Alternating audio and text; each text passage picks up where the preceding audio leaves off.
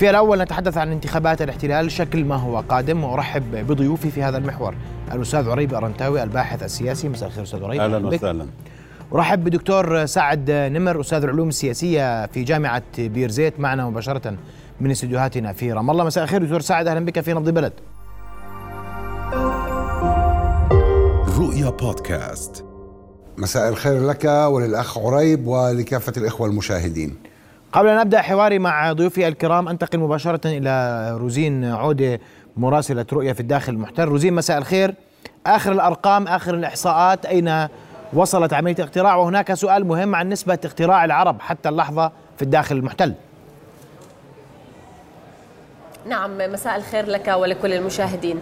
يعني حتى اللحظة آه، يعني لم لا نملك يعني آه، أي نسب يعني التحديثات لم لم تخرج إلى النور بعد لكن حتى الساعة الرابعة عصرا كانت نسبة التصويت العامة في كل البلاد بلغت يعني 47.5 بالمئة. أما فيما يتعلق في المجتمع العربي فكانت نسبة التصويت قد تعدت ال 31 بالمئة. لربما في الساعات الأخيرة أيضا يعني كانت هيك في في تصاعد وارتفاع وربما يعني النسب التي سنحصل عليها خلال الساعة القريبة إما مفاجئة للإيجاب إما للسلب روزين يعني الأرقام يفترض أن تصدر ما بعد الثامنة مساء تحديدا نسبة المشاركة العربية، النسبة التي ذكرتيها نسبة صحيح. مقلقة خصوصا أنها لا قد لا توصل أي من القوائم العربية إلى الكنيست صحيح؟ نعم بالضبط يعني هذا طبعا النسب مقلقة وهذا يهدد ويشكل خطرا على يعني تواجد القوائم العربية في الكنيست عن هذا الموضوع بالذات يعني سأتحدث مع ضيفي هنا الأستاذ المحامي علاء محاجني وهو عضو اللجنة المركزية في التجمع الوطني الديمقراطي ومستشار قانوني آه، آه، للحزب لا سيما آه، أن المجتمع الإسرائيلي بشكل خاص يعني لديه نسب تصويت عالية جدا وهذا يعني ما يؤثر على نسبة الحسم. أستاذ علاء يسعد مساك. يسعد مساكم. يعني النسب فعلا مقلقة. نعم يعني منذ الصباح تصل معلومات من لجنة الانتخابات المركزية وهي طبعا معلومات رسمية. عن يعني المعلومات هاي تظهر آه، آه، توجهين. التوجه الأول أن نسب التصويت في المجتمع الإسرائيلي اليهودي آه، أكثر من المعتاد وأكثر من الانتخابات السابقة وحتى أنهم حق يعني تكلموا أنها تاريخية أنها لم تحدث منذ عام 1999 صحيح. فتعدت كما ذكرت هي ال 48% قبل ساعتين أو قبل ثلاث ساعات.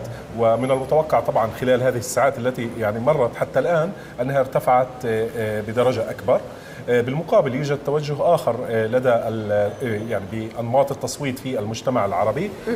نشهد نسب يعني متدنية مقارنة ب النسب نسب التصويت في المجتمع الإسرائيلي اليهودي وبالتالي طبعا هذا موضوع هو حاسم ومؤثر وله طبعا تبعيات كما ذكرت وله تأثير مباشر على آه، التمثيل العربي في البرلمان الإسرائيلي آه، في الانتخابات المقبلة. يعني من أجل يعني عشان نفهم هذه النقطة إذا ارتفعت آه، نسبة التصويت لدى المجتمع الإسرائيلي عن 70% تنتقل نسبة الحسم من 145 تقريبا إلى 160 ألف صوت. الأمر الذي يجعل طبعا, مسألة تمثيل القوائم العربية في الكنيسة القادم آه، مهمة آه، صعبة جدا حيث أن يعني الأحزاب العربية يعني تكاد تصل إلى آه، نسبة الحسم اللي هي كانت متبعة والتي هي 145 ألف صوت. الآن طبعا يعني يوجد لنا تحدي. نحن أبناء المجتمع العربي. هذه الانتخابات هي مصيرية وهي مهمة بسبب تصاعد قوى اليمين الفاشي والمتطرف. يعني نرى أنه يوجد أحزاب كانت ممثلة بأعداد أو مقاعد قليلة في البرلمان السابق وهي نعم. تصل اليوم إلى عدد مقاعد كبير جدا يؤهلها إلى أن تتولى حقائب مثل وزارة الأمن ووزارة الأمن الداخلي ولذلك تأثير مباشر على الأمن والأمان وأيضا السلامة الشخصية لأبناء المجتمع العربي ولا سيما في مدينة القدس. يعني النائب المأفون بن كفير وهو نائب فاشي عن عن الحزب الذي يمثله يعني هو يقصد تماما أنه يريد وزارة الشرطة وذلك من أجل التعامل مع المجتمع العربي في الداخل وأيضا مع المجتمع المقدسي في مدينة القدس وما يتعلق أيضا في دخول نعم. واقتحامات المسجد الأقصى عن طريق طبعا المستوطنين. نعم علاء يعني روزين يعني اسمحي لي روزين يعني في مقر روزين. التجمع فيه نعم سنعود تفضل. لك روزين تفضل. عندما تصدر أي أرقام سنعود لك, لك لاحقا أثناء هذه التغطية لمتابعة الأرقام التي ستردكم والتعليق عليها. أستاذ عريب أسمع وجهة نظرك اليوم في المشهد عندما نتحدث عن نسبة إقبال عربية ضعيفة في الداخل المحتل. الحديث أنه قد لا تتمكن أي قائمة إذا ما استمرت نسبة التصويت في الداخل اليهودي. بهذا بهذه الأرقام قد لا نشهد تمثيلا عربيا. قراءة المشهد الانتخابي ما بعد الساعات الأولى من التصويت. يعني اولا نحن أمام تنافس محتدم بين اليمين واليمين في إسرائيل يعني وهذا أمر يجب أن يؤخذ بنظر الاعتبار. واليمين المتطرف واليمين الأكثر متطرفا الأكثر تطرفا. الكنيسة الحالة في 72 مقعد من 120 بيشغلها اليمين واليمين المتطرف. الكنيسة القادم قد يصل هذا العدد إلى 80 مقعد يعني بمعنى إلى ثلثي مقاعد الكنيسة. وهذه نسبة غير مسبوقة في التاريخ لأي حزب من الأحزاب أو لأي تيار من التيارات في هذا المجال. فرص آه، آه، فرص يعني نجاح اليمين تتعاظم كلما زاد الإقبال في الوسط اليهودي لأنه الإقبال في الغالب يميني هيك وكلما زاد العزوف في الوسط العربي وواضح أن الوسط العربي عازف عن المشاركة بقوة هذه المرة. نأمل الساعات الأخيرة يعني أنه يكون في تحسن في نسبة المشاركة العربية في هذا المجال. كل مقعد بيخسروه العرب في الكنيست راح يصب لصالح التيار اليميني في هذا المجال. العرب ما ذهبوش ليس فقط لأنه اليمين الفاشي صاعد العرب لم يذهبوا أيضا بسبب انقسامات القائمة العربية كم كم كم كم حزبا عربيا اليوم ينافس هلأ في ثلاث قوائم ناس نازلة على الانتخابات. في قائمة التغيير والجبهة الديمقراطية أيمن عودة والطيبي بقائمة واحدة. في الحركة الإسلامية الجنوبية راعم بقيادة منصور عباس قائمة ثانية. في التجمع بقيادة سامي أبو شحادة قائمة ثالثة. وفي قائمة طبعا مش نازلة مخفية في كتلة المقاطعين ايديولوجيا للانتخابات. اللي هم الحركة الإسلامية الشمالية وأبناء البلد. وهذول بين 25 ل 30% بيمثلوا من السكان العرب يعني. هذا ما حدا بيجيب سيرتها يعني في في الحديث عن الانقسام العربي عنصر مهم. وبلغ الانقسام يعني درجة من السوء حد إنه القوائم العربية عجزت عن التوصل إلى اتفاق على تبادل الأصوات الفائضة. يعني في إسرائيل في نظام إنه أنا وياك قائمتين إذا زاد معي 10000 بعطيك إياهن أو أنت اذا زاد معك 5000 تعطي. بكون في اتفاق بنحطه عند لجنه الانتخابات حتى ما تضيع الأصوات الفائضة. لم يستطع العرب الوصول لهذه لهذه لهذه المعادلة. لهذه المعادلة. يعني طب أصوات فائضة لمين بدك تعطيها ما حتروح للليكود يعني إلى هذا المستوى يعني بلغت يعني حدة الانقسام للأسف في الوسط العربي. ولذلك نحن الآن أمام يعني احتمالين أو ثلاثة بالنسبة للوسط العربي. إما كنيسة بدون عرب إذا استمر العزوف كما هو عليه في فرص لقائمتين إذا تحسن مستوى الإقبال اللي هي القائمة المشتركة عودة طيبي وعباس التجمع وضعه مقلق رغم أنه حسن مواقعه في الفترة الأخيرة لكن استطلاعات الرأي ولا مرة أعطته حتى الآن آه، عتبة الحسم. ولا مرة. يعني هذا الجدول في نتائج آخر استطلاعات للرأي أجريت يعني قبل إغلاق الحملات الانتخابية. هنا التجمع عندي ولا مرة وصل عتبة الحسم ولا مرة. القوائم الثانية على الحف عتبة الحسم هلا إذا ضعف الإقبال بيصلوش لعتبة الحسم طبعا هذا لا يتهدد فقط القوائم العربية يمكن ميرتس ما تصل لعتبة الحسم يمكن العمل ما يصل لعتبة الحسم وبالتالي التيار اللي بقوده لبيد تحديدا يعني قد ينتهي نهاية كارثية لأنه في كثير من الأحزاب اللي مفترض يأتلف معها مهددة بالسقوط. يعني لا تبلغ مش مضمونة. آه مش مضمونة. بينما الكتلة الثانية بقيادة الليكود هي كتلة صلبة. يعني الليكود عنده بين اثنين بين 31 ل 33 مقعد تقديرات 32 مقعد. عندك آه، آه، جماعة الحركة الصهيونية آه، سموتريتش وبن جفير هذول يعني عندهم على الأقل 14 15 مقعد حسب الاستطلاع. ممكن وهذول قفزوا. هذول الكهانيين هذول اللي جماعة جولدشتاين اللي مجزرة الحرم الإبراهيمي في الخليل. هذول كانوا إرهاب في إسرائيل مصنفين إرهاب في إسرائيل. الآن هم الكتلة الثالثة في الكنيسة. حتى تشوف حجم التحولات في المجتمع الإسرائيلي. وعندك شاس وعندك يهوديت هاتورا هذول مضمونين. يعني شاس بيجيب له ثمان تسع مقاعد ويهوديت هاتورات بيجيب له سبع مقاعد كذلك. يعني في عندك كتلة حوالي 59 60 مقعد صلبة. هاي بتصب لصالح نتنياهو. هلا الصراع على مقعدين ثلاثة مقعد مقعدين ثلاثة لا أكثر ولا أقل. إذا سقطت أي من القوائم هذه المرشحة للائتلاف أو لدعم لبيد آه، انتهت فرصه في تشكيل حكومة. بيجي الليكود الخارطة ككل في إسرائيل اليمين واليمين المتطرف راح يسيطر على 80% من المقاعد إذا افترضنا أنه يعني لبيد بيمثل الوسط. أنا في ظني أن لبيد ليس وسطا وجانتس ليس وسطا. هؤلاء هم يمين هم, هم يمين هم, هم, هم, هم الوسط في طبعته الجديدة. اليمينية أكثر من اليمين اللي كنا نعرفه قبل 20 و30 سنة في إسرائيل. لذلك في الحقيقة الرقم المفتاح الآن يعني في معرفة سيناريوهات المرحلة المقبلة هي معدل الاقتراع بالنسبة للوسط العربي. هذا ممكن يفضي إلى إلى إلى إلى, إلى واحد من من سيناريوهين اثنين أو ثلاثة. السيناريو الأرجح في ظني في ضوء حتى الآن إذا ظلت الأمور بهذا الاتجاه أن نتنياهو عائد لتشكيل الحكومة هذا السيناريو الأرجح. الأرجح. آه وربما تكون حكومة مصغرة بمعنى 61 62 مقعد. أنا رأيي إذا استمر معدلات الإقبال العربية بهذا الشكل الأرجح أن نتنياهو آتٍ.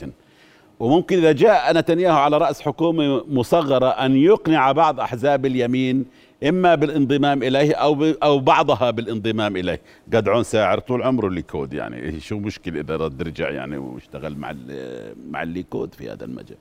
هيك وبالتالي فرص لبيد إذا استمرت الأمور على هذا النحو فرص لبيد في تشكيل حكومة أعتقد أنها ضئيلة للغاية ضئيلة للغاية. لكن إذا تحسنت النتيجة وصلنا أمام التوازن إحنا لا يزال أمامنا ساعة ونصف لإغلاق الصراع ساعة ونص وبعدين إحنا ما بنعرف قديش صار في الساعتين ثلاثة الأخيرات. إحنا الأرقام اللي عندنا لحتى الساعة أربعة من الأربعة للعشرة ست ساعات. الفلسطينية بيكونوا خلصوا قطف الزيتون.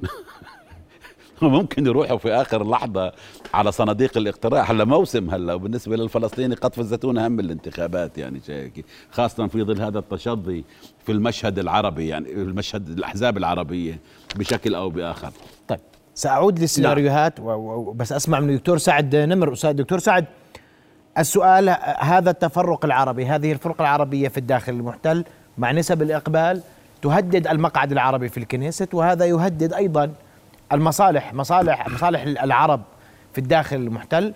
والسؤال الأبرز دائما عودة نتنياهو إذا ما استمر الحال على ما هو عليه وعاد نتنياهو القضية الفلسطينية كلها ستعود لمربع المعاناة بشكل أكبر. نعم يعني آه، مساء الخير مرة أخرى لك وللأخ عريب آه، عندك في الاستوديو.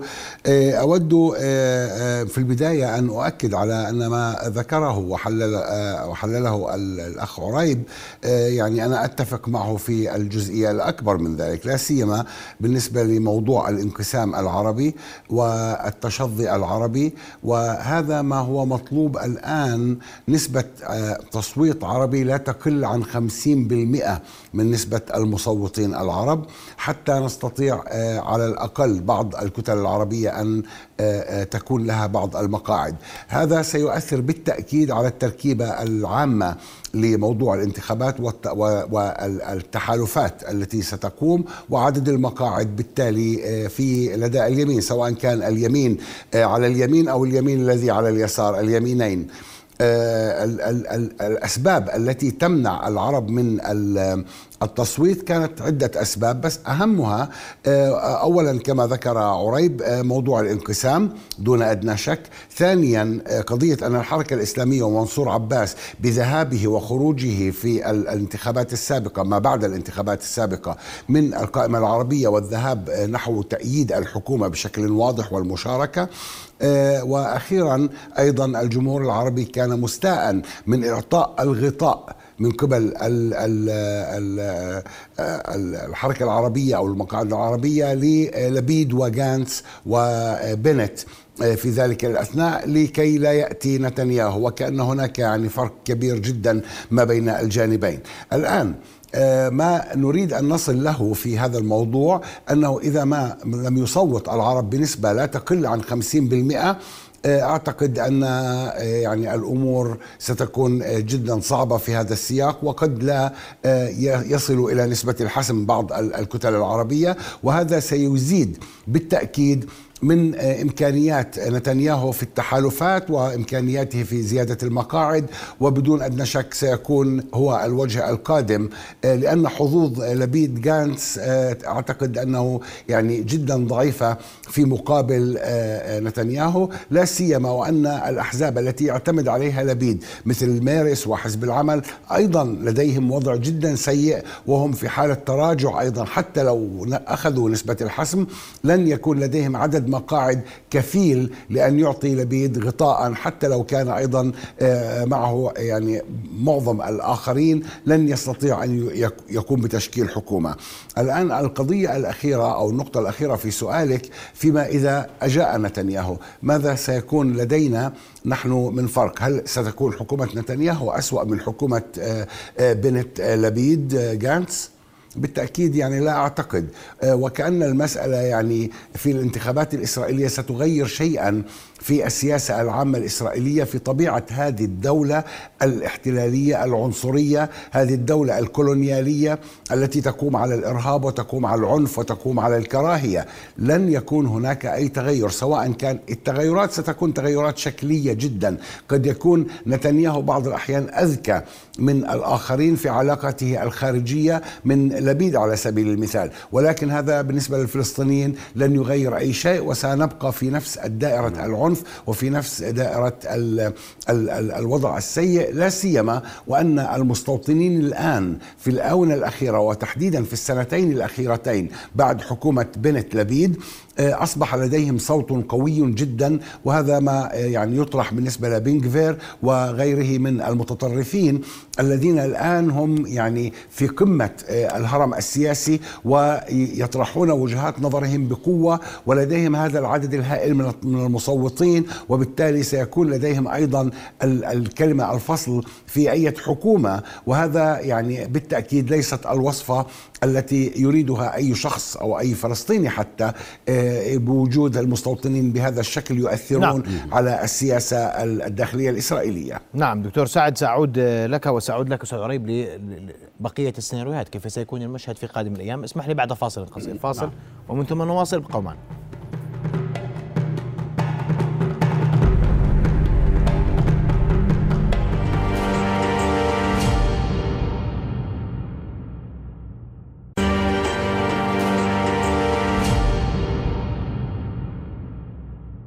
أهلا بكم نواصل حلقتنا الليلة بحسب مصادر آه، آه، صحافة الاحتلال فإن نسب التصويت وصلت إلى 57.7% ونسبه العرب وصلت إلى 40.6% أعود لروزين. روزين هذه الأرقام مدى دقتها حتى اللحظة؟ روزين؟ نعم مساء الخير من جديد. نعم هل تسمعني؟ نعم معك روزين. الأرقام؟ نعم ف يعني هكذا. هذه التحديثات صحيحة حتى هذه اللحظة. فنسبة التصويت في المجتمع العربي وصلت إلى يعني 40.7 والنسبة العامة للتصويت في كلا المجتمعين الإسرائيلي والعربي قد وصلت إلى 57% من الواضح أن يعني وأوافق الحديث يعني عندما يعني تحدث الأستاذ في الاستوديو عن موسم الزيتون وانتهاء الفلسطيني من قطف الزيتون وذهابه إلى صناديق صندوق الاقتراع فنعم نعم أتفق. بسبب أن نسبة بدأت ترتفع والدالة التصاعدية أيضا بدأت يعني هكذا بوتيرة أسرع من ساعات الصباح الباكر منذ الساعة الرابعة يعني فأكثر متأخرا. لا سيما أنك أيضا يعني نسبة كبيرة من المواطنين العرب يعني عملوا اليوم. فما بعد الدوام هو كان يعني كانت لديهم هذه الفرصة للذهاب إلى صناديق الاقتراع والإدلاء بأصواتهم. فيعني من الواضح أن الساعات الساعات القليلة الأخيرة كانت فعلا يعني تشهد آه، حركة نشطة في صناديق الاقتراع خاصة في مدينة شفا عمر. يعني آه، نحن نتواجد في مدينة شفا عمر يعني من من ساعات الظهيرة. آه، وبالفعل هناك حركة نشطة جدا. وأيضا كما علمنا في مختلف أنحاء البلاد في القرى والمدن العربية هناك أيضا حركة آه، نشطة أيضا نعم. النشطاء في في المقرات والأحزاب المختلفة. الأحزاب العربية يعني يقومون بجهود جبارة لحشد الأصوات وتشجيع المواطنين العرب على الخروج والإدلاء بأصواتهم. أشكرك روزين عودة مرة أخرى آه، كنت معنا من الداخل المحتل. ويعني باقي ساعة آه، نعم. على الأقل ساعة ودقائق معدودة لإغلاق الصناديق الإقبال يزداد. يزداد نعم. وهذا قد يغير في المشهد قليلا لكن يحتاج إلى المزيد. اليوم نعم العرب نعم. يحشدون يعني, للحفاظ على مقاعد. تفضل. إذا الآن يعني لحتى الثمانية العرب 40.7 كما قيل يعني قبل قليل فممكن بالساعتين هذول يرتفع نسبة الاقتراع إلى 45% وهي النسبة اللي كانت في آخر انتخابات نسبة العرب.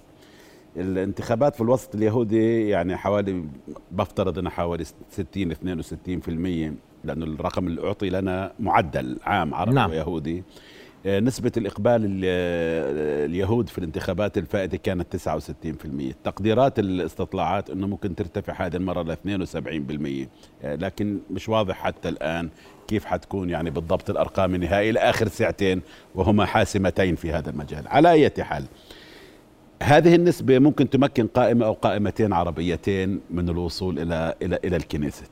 إذا استمر يعني إذا وصلنا لهذه النسبة ممكن قائمة أو قائمتين.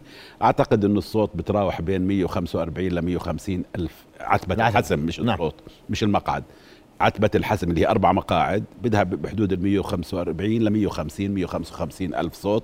أعتقد بإمكان القائمة المشتركة طيبي وعودي يجيبوها وبإمكان آه، عباس يجيبها. في تحدي كبير على التجمع. التجمع وضعه صعب في هذا المجال. هلا هذا كيف ممكن ينعكس على التوازنات داخل الكنيست أنت عارف النظام النسبي زي الأنابيب المستطرقة يعني بتنزل أنت هنا بده يطلع حدا هيك يعني خسارتك ربح لغيرك يعني. نعم. نعم. هيك المعادلة.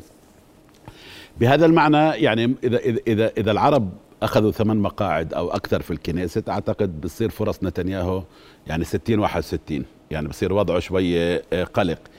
هنا لا يزال نتنياهو في ظني هو الشخص المرجح يعني لتولي الحكومة في إسرائيل وتشكيل حكومة هو اللي لديه القدرة أكثر من غيره في هذا المجال. لكن إن حصل المفاجأة بهذا المعنى سنكون أمام سيناريوهات أخرى. آه، ليس من بينها أنه لبيد يجي يشكل حكومة. أنا لا أعتقد أنه عنده فرصة يشكل حكومة. وبالمناسبة مش لازم نزعل على ذهاب لبيد يعني.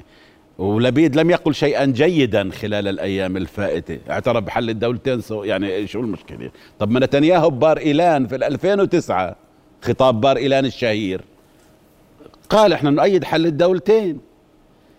هل هذا يجعل من نتنياهو شخص يعني محب للسلام ومعترف ومقر بالحقوق الوطنية المشروعة؟ للمعلومات. في ظل حكومة بنت ولبيد زاد الاستيطان أكثر من أيام حكومات نتنياهو المتعاقبة. زاد تهديم المنازل أكثر من أيام نتنياهو وحكوماته المتعاقبة. القتل في الشوارع هاي السنة عندنا 185 شهيد قتلوا في الشوارع في, في, في الضفة الغربية والقدس. 185 شهيد هذا رقم غير مسبوق منذ الانتفاضة الثانية. يعني كل حكومات نتنياهو ما قتل من الشعب الفلسطيني في سنة واحدة 185 شهيد. استثني العدوانات على غزة يعني شهيد. نعم. في الضفة الغربية بشكل خاص. الرعاية الهاشمية وهذا موضوع حساس عندنا إحنا له صدى لم ينتهك المسجد الأقصى أيام حكومات نتنياهو كما انتهك أيام لبيد ونفتالي بنت. سواء عدد الانتهاكات أو العديد المنتهكين اللي بتدخل. التقسيم الزماني حاصل في عهد لبيد نتن... آه، نفتالي بنت. حصل التقسيم الزماني. الآن بيطلعوا المصلين بعد الفجر وبيدخلوا المستوطنين وبيرجعوا المسلمين الساعة 11 وهلم مجرة. واليوم في مذكرة من المستوطنين للبيد إنه بدهم الحق في دخول المسجد الأقصى على مدار الساعة. في اليوم 300 واحد دخلوا المسجد الأقصى. ممارسة الطقوس التلمودية والعبادات داخل الأقصى صارت أمر مح تحصيل حاصل ونفخ الأبواق وكل هذه الطقوس. لذلك ما حدا يقول لي إنه مع لبيد ممكن الأمور تتطور بشكل جيد. الوضع سيء مع لبيد ومع نتنياهو والخيارات يجب أن تكون بمعزل عن هذا التنافس اللي وصفناه بأنه تنافس بين يمين ويمين يمين متطرف ويمين متطرف آخر. الانقسام في إسرائيل مش حول السياسي ولا الأيديولوجيا لا الموقف من حل الدولتين ولا من عملية السلام ولا من الرعاية ولا ولا من الضفه اللي هي يهوذا والسامرة بالنسبة لهم. الانقسام بين اليمين حول شخص نتنياهو. هل نقبل التحالف مع شخص فاسد متسلط متجبر دكتاتور ولا لا؟ هذا الانقسام. نعم. المعسكر لبيد ضم يمينه. بدك بدك أسوأ من من إليت شكيد ومن نفتالي بنت ومن جدعون ساعر. يعني اذا إذا هذول مش يمين متطرف مين اليمين متطرف في إسرائيل؟ هذول حلفاء ولا للبيد في الحكومة الحالية. فعلى ماذا نعول في هذا المجال؟ سيناريو سيناريو انشقاق الليكود. يعني هذا وارد إذا ما قدرش نتنياهو يشكل حكومة للأسباب اللي ذكرناها. كأن يرشح الليكود من بينه أو أن يخرج من صفوفه. من يتحالف مع جانس لبيد إلى آخره من يسعى لتوحيد معسكر اليمين. هذا سيناريو أيضا يجب أن يؤخذ بنظر الاعتبار.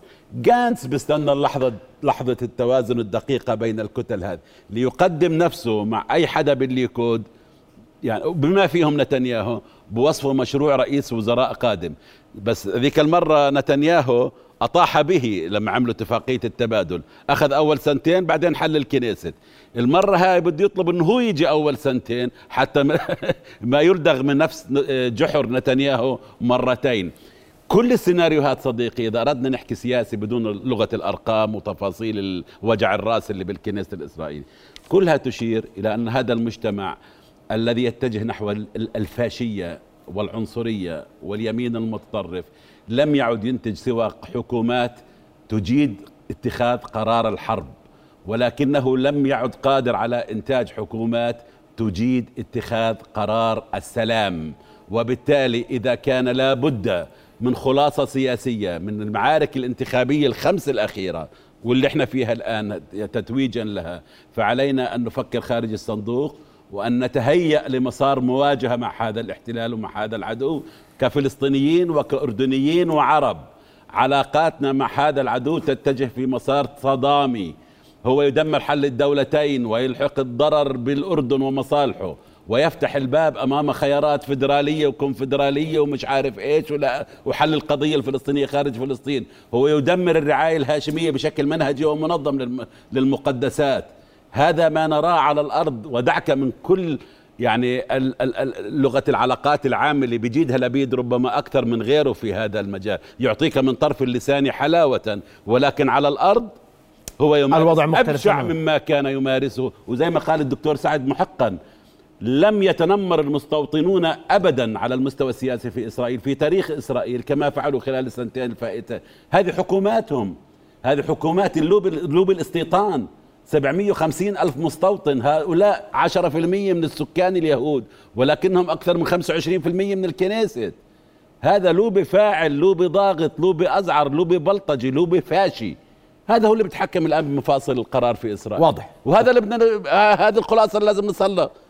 ده صدام إذا ما استمر هذا هذا التشكيل. صدام. دكتور سعد أسمع وجهة نظرك. نعم يعني جميل جدا. آه هذا هذا ما يعني كنا نريد الذهاب إليه أن هذه الحكومة يجب إعادة النظر عربيا وفلسطينيا قبل كل شيء ومن ثم عربيا في طبيعة العلاقة مع هذا الكيان. فهمنا لهذا الكيان ككيان آه كولونيالي عنصري قائم على الكراهية والعنف كما ذكرت هو يجب أن يحدد استراتيجياتنا في طبيعة التعامل معه. أما ال- ال- الاستمرار في الحديث عن موضوع الدولتين والحديث عن إمكانية السلام والعودة للمفاوضات أعتقد أن هذا ليس فقط ذرا للرماد في العيون وإنما يعني هو ابتعاد تام عن البوصلة الحقيقية للسياسة. وأعتقد أن الشباب الفلسطيني والشعب الفلسطيني أدرك ذلك بفط بفطرته ال- الطبيعية من مواجهة الاحتلال أكثر من قضية القيادة السياسية. وبالتالي آه، ما يجري الآن وخاصة في الآونة الأخيرة من عمليات لمواجهة هذا الاحتلال هو ال- النتيجة المتوقعة لفهم الشعب الفلسطيني لطبيعة هذا الاحتلال. نحن أكثر من يعرف هذا الاحتلال ونعرف صلفه وصلف مستوطنيه وبالتالي الطريقة الوحيدة للتعامل معه هي الطريقة ال- ال- العنف مقابل العنف وقضية المقاومة المسلحة حتى والمقاومة الشعبية وكل أنواع المقاومة. ولكن موضوع المقاومة يجب أن يكون هو على أولوية القيادة الفلسطينية وأيضا معرفة ال- الجانب العربي في هذا الموضوع لا سيما والآن ولدينا ال- ال- القمة العربية التي تعقد وابتدأت اليوم في الجزائر أن ندرك أن هذا الاحتلال وهذا الكيان ليس فقط الاحتلال أنا لا أتحدث الآن فقط عن 67 لقد أثبتت هذا الكيان ككيان بأنه كيان دخيل على المنطقة لا يسعى بالمطلق لأي شكل من الأشكال للتعايش. وإذا ما انتهى من القضية الفلسطينية سيكون دوره المقابل في الأردن. وإذا ما انتهى من الأردن ستكون سوريا. وهكذا. هذا كيان سرطاني يجب اجتثاثه من الأساس. وبالتالي آه، الفطرة الفلسطينية دون السياسة والمرجعيات السياسية سواء كان للأحزاب وال- والاتجاهات السياسية الفلسطينية أو القيادة الفلسطينية في السلطة آه، هي بعيدة تماما عن نبض الشارع الفلسطيني. الذي أدرك بطبيعته أن هذا الاحتلال يجب مقاومته ولا مجال للحديث معه والتفاوض معه بأي نعم. شكل من الأشكال. دكتور سعد نمر أستاذ العلوم السياسية في جامعة بير زيت كنت معنا مباشرة من رام الله. أشكرك كل الشكر. أستاذ ربي رنتاوي أيضا أشكرك كل الشكر على وجودك معنا. وأشكر زين عويده أيضا مراسلتنا من الداخل المحتل. رؤيا بودكاست.